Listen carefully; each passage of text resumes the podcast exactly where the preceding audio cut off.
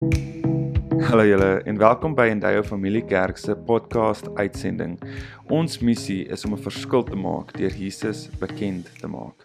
Ons hoop ons boodskappe inspireer jou en trek jou nader aan God. Hy soek net jou hart. Geniet saam met ons hierdie boodskap.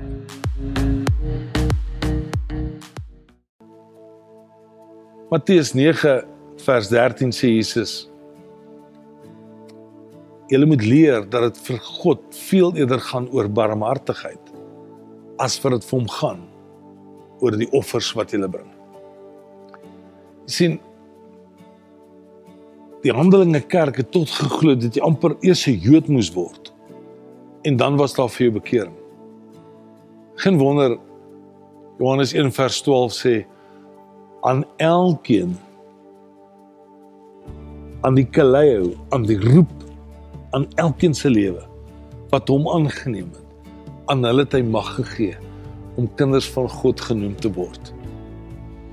Jy sien, jou verwysingsraamwerk kan dalk wees dat jy waar jy kuier, dat jy neerkyk op mense want jy sien jouself as beter. Jy's dalk in 'n fariseer plek of in 'n essener plek of jy's dalk 'n seloot of of jy's dalk 'n sadiseer. En is om uit uit daai plek uit te skuif en te sê Here, ek wil gebruik word deur U sonder om mense te veroordeel en wil ek kan instap om face to face met hulle te kan praat, mense te kan praat en hulle te kan vertel van Jesus. Ons kan so dogmaties wees en pragmaties in ons toepassing van die sakramente en van dit wat die woord sê, maar wanneer dit kom om vrede te hê rondom ons eie etenstafel, dan mis ons dit. Of wanneer ons aanbid, is dit lekker om in die kerk te aanbid want mense kyk vir my en ek hou daarvan. Nie ek nie, maar daar's mense wat so voel.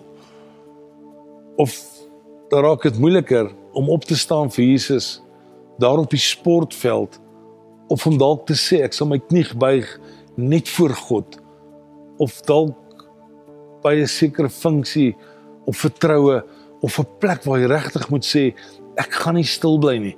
Ek gaan nie laat die klippe uitroep, laat die klippe moet praat nie, want ek wil sê dit wat Christus vir my beteken. Dit is dalk goed om in die kerk te sit, maar dit is moeilik om uit te reik daarna buite waar dit moeilik is waar mense jou nie noodwendig ken nie. Jy sien, daar waar jy kuier, dis wat Matteus tafel toe bring. Hy sê, daar waar jy kuier, met wie jy kuier, moet jy so jouself kan uitleef dat mense kan agterkom, die klippe gaan nie uitroep nie want jy kan nie stil bly nie. Jy moet praat van Jesus. Die tweede ding wat hy definieer is waar jy is. In vers 9 en 10 sê hy hy Jesus het 'n man met die naam Matteus by die tolhuis sien sit en vir hom gesê, "Volg my." Hy het opgestaan en hom vir Jesus gevolg. Jesus het by hom in sy huis gaan eet en baie tollenaars en sondaars het saam met Jesus en sy disippels kom eet. So die vraag is, waar is jy? Is jy daar waar die tyer die teer tref? Is jy daar waar dit regtig saak maak? En dit is mooi dat ons mense kan nooi na huiskerk toe of kan nooi om saam met my in die woordtyd te spandeer en, en dis die nuwe normaal, dis die manier van wat ons nou kan kerk hou. Maar Jesus kom en hy sê vir Matteus, Matteus, ek wil oor jou drempel gaan stap. Ek kan nie stil bly nie, want daar gaan klippe wees wat uitroep as ek nie met jou praat nie. Jy sien ons mis dit as ons dink Ek stap in vir 'n kuier, maar ek is nie daar om regtig Jesus bekend te maak nie. Ek is nie daar om 'n kaleie oomblik op mense se lewens te hê nie. Dan mis ons die punt. Ek moet mense kan kry by 'n plek waar ek vir hom wil vertel, "Hey, jy moet verander. Daar moet goed in jou lewe gebeur. As Jesus instap, verander alles." Jy sien, die definisie van 'n disipel is nie net om te glo en ek gaan kerk toe en ag, jy weet ek is voorgestel en aangeneem. Nee, die definisie daarvan is om in te kan stap en te kan sê ek is hier. Jesus in Johannes 12 vers 26 hy sê waar ek is, daar sal my dienaar ook wees. So my vraag is, waar is jy? Waarom is jy besig? Wat wat okkupeer jou tyd elke dag? En as jy by 'n drempel moet deurstap, kan nie by 'n plek wees waar jy verstaan jy's daar om eintlik vir mense te sê daar's 'n keleie oomblik Matteus ek wil jou roep na 'n plek waar hierdie lewe waarmee jy besig is los sodat jy Jesus kan ontdek. Die derde ding wat Matteus uitlig is hy sê hoe jy saam met ander is. Nou ons leer van ons millennials en ons generation X en ons generation Z en daar's nog soveel goed wat bykom. Maar een van die goed wat ons die afgelope tyd vir mekaar sê is just don't judge me. Ons wil net nie gejudge word nie. Want dis nie waaroor dit gaan nie. Ek tel nie op dat Jesus vir Matteus een keer veroordeel het oor dit wat sy sondige natuur en dit wat sy sondige lewe was nie. Jesus stap in en dan sê Jesus vir hom, ek wil nou by jou kuier, ek wil met jou communion hê, ek wil met jou in 'n oikos in jou gemeenskap plek instap en daar wil ek saam met jou sit en kuier rondom jou tafel. En toe die oomblik om voordoen, te gebruik Jesus dit. En Jesus vertel vir hom dat daar vir hom 'n ewige lewe kan wees. Die volg my was 'n wekroep in Matteus se lewe om te verstaan jy moet 'n draai kom.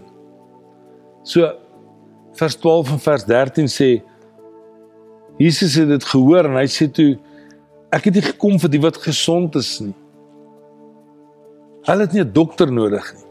Maar ek het gekom vir die wat siek is. En dan sê vers 13 ek verwag barmhartigheid en nie offers nie. Ek het nie gekom om mense te roep wat op die regte pad is nie, maar sondaars. Eintlik gaan al Jesus woorde van Hosea 6 vers 6 wat hy God aanhaal waar God sê dit gaan veel meer oor die een wat my liefhet as oor die offer wat jy bring of jou toewyding as oor die brandoffers wat jy vir God bring. sien wanneer God met my en jou te doen raak, te doen kry dan dan sê God, ek het een doel vir oë en dis om te sien dat daar ewigheidslewe vir jou sal wees.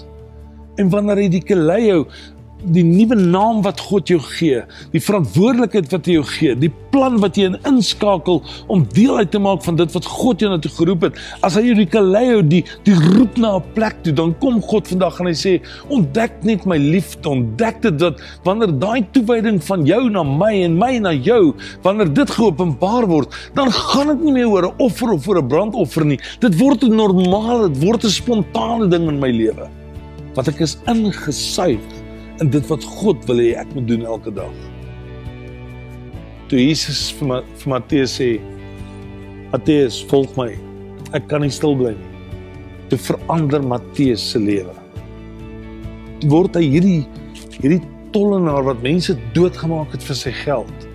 Toe word hy 'n mens wat skryf oor wie Jesus kom word het in sy lewe. Sien Paulus sê ek en jy is 'n brief wat mense moet lees.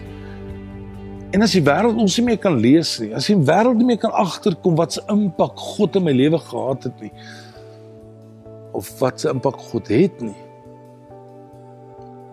dan mis ek en jy die punt. Dat ek so vasgevang geraak om 'n lewe te lewe van of 'n fariseer of 'n seloot of 'n sener of 'n of 'n sadiseer. En ek kom nie uit by dit om te sê ek gaan begin te praat want die dag as die klippe moet praat dat ek gemis die kaleo die roeping van God op my lewe. Miskien is jy Matteus wat vandag op 'n plek sit en jy wag vir die woorde van Jesus wat sê volg my. En as jy uit hierdie sondige natuur uitkom kom vandag na 'n plek wat jy vir Jesus sê ek kies om U aan te neem ek kies om U te dien ek kies om in 'n verhouding met U te staan En ongeag jou sondige natuur en dit wat gebeur het in die verlede, bring dit vandag na Christus toe en sê Here, hier's ek. Ek steek hand op. Ek luister na die kaleo van God ook op my lewe sodat my lewe sal draai. En as jou lewe gedraai het, glo ek elkeen van ons gaan Jesus bekend maak meer progressief met alles in ons hart om te sê ek gaan kuier doelgerig om mense na Jesus toe te bring kan ek saam met jou bid. Baie dankie Vader dat ons vandag wil sê ek kan nie stil bly nie. Ek het 'n storie om te vertel. Ek wil praat, ek wil vertel van dit wat Jesus in my lewe gedoen het. Maar miskien is ek 'n Matteus Miskien is my lewe nog op so 'n plek van verwoesting en en hartseer en pyn en ek het nog nie die volheid van Christus ontdek. Dan wil ek vandag uitroep en vra Here vergewe my my sondes en maak my 'n kind en gee dat ek 'n rein lewe voor U kan lewe. U kom roep ons elkeen vandag met 'n teleie in ons gees om te sê gaan na buite. Gaan kuier en daar waar jy is, gaan staan op vir my naam, gaan staan op vir my saak. Dankie dat ons as 'n kerk die stem van God kan wees aan 'n wêreld wat U so nodig het. Amen. Dion, baie dankie vir 'n amazing boodskap. Dit herinner my aan wat iemand eendag gesê het van ons moet vir mense van Jesus vertel en as nodig is woorde gebruik. Maar ek dink ons moet in ons woorde en ons dade moet ons vir mense van Jesus vertel. So ek wil jou uitdaag, vertel mense van Jesus, nooi hulle na hom toe, om sodat jy lewe ook van hom sal getuig in liefde. Ons gaan nou 'n geleentheid ook gee en uh, ons wil baie dankie sê aan almal wat maandeliks getrou ook bydra tot die werk van die Here. En jy kan dit doen deur die bankbesonderhede wat nou aan die onderkant van jou skerm opkom of selfs deur SnapScan te gebruik, kan jy jou offerande ook bring na God toe. Ons moet onthou dat alles wat ons besit, ons huis, ons kar, ons finansies, alles behoort aan die Here. Die Bybel sê baie duidelik dat dit 'n gawe van hom is en hy verwag dat ons goeie rentmeesterskap moet uitoefen oor dit wat hy vir ons gegee het. God is die baas van ons finansies, van alles wat ons besit. En ons gee vir hom juis omdat ons wil. Sy woord sê ook baie duidelik hy is uit 'n blymoedige gewer lief. Baie baie dankie vir jou tieners en offerandes wat jy ook vir die werk van die Here gee.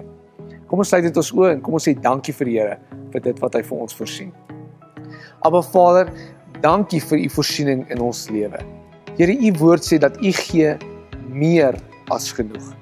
Here, help ons sodat ons goeie rentmeesterskap sal beoefen oor dit wat u vir ons gee en ook u naam daardeur kan eer. Amen.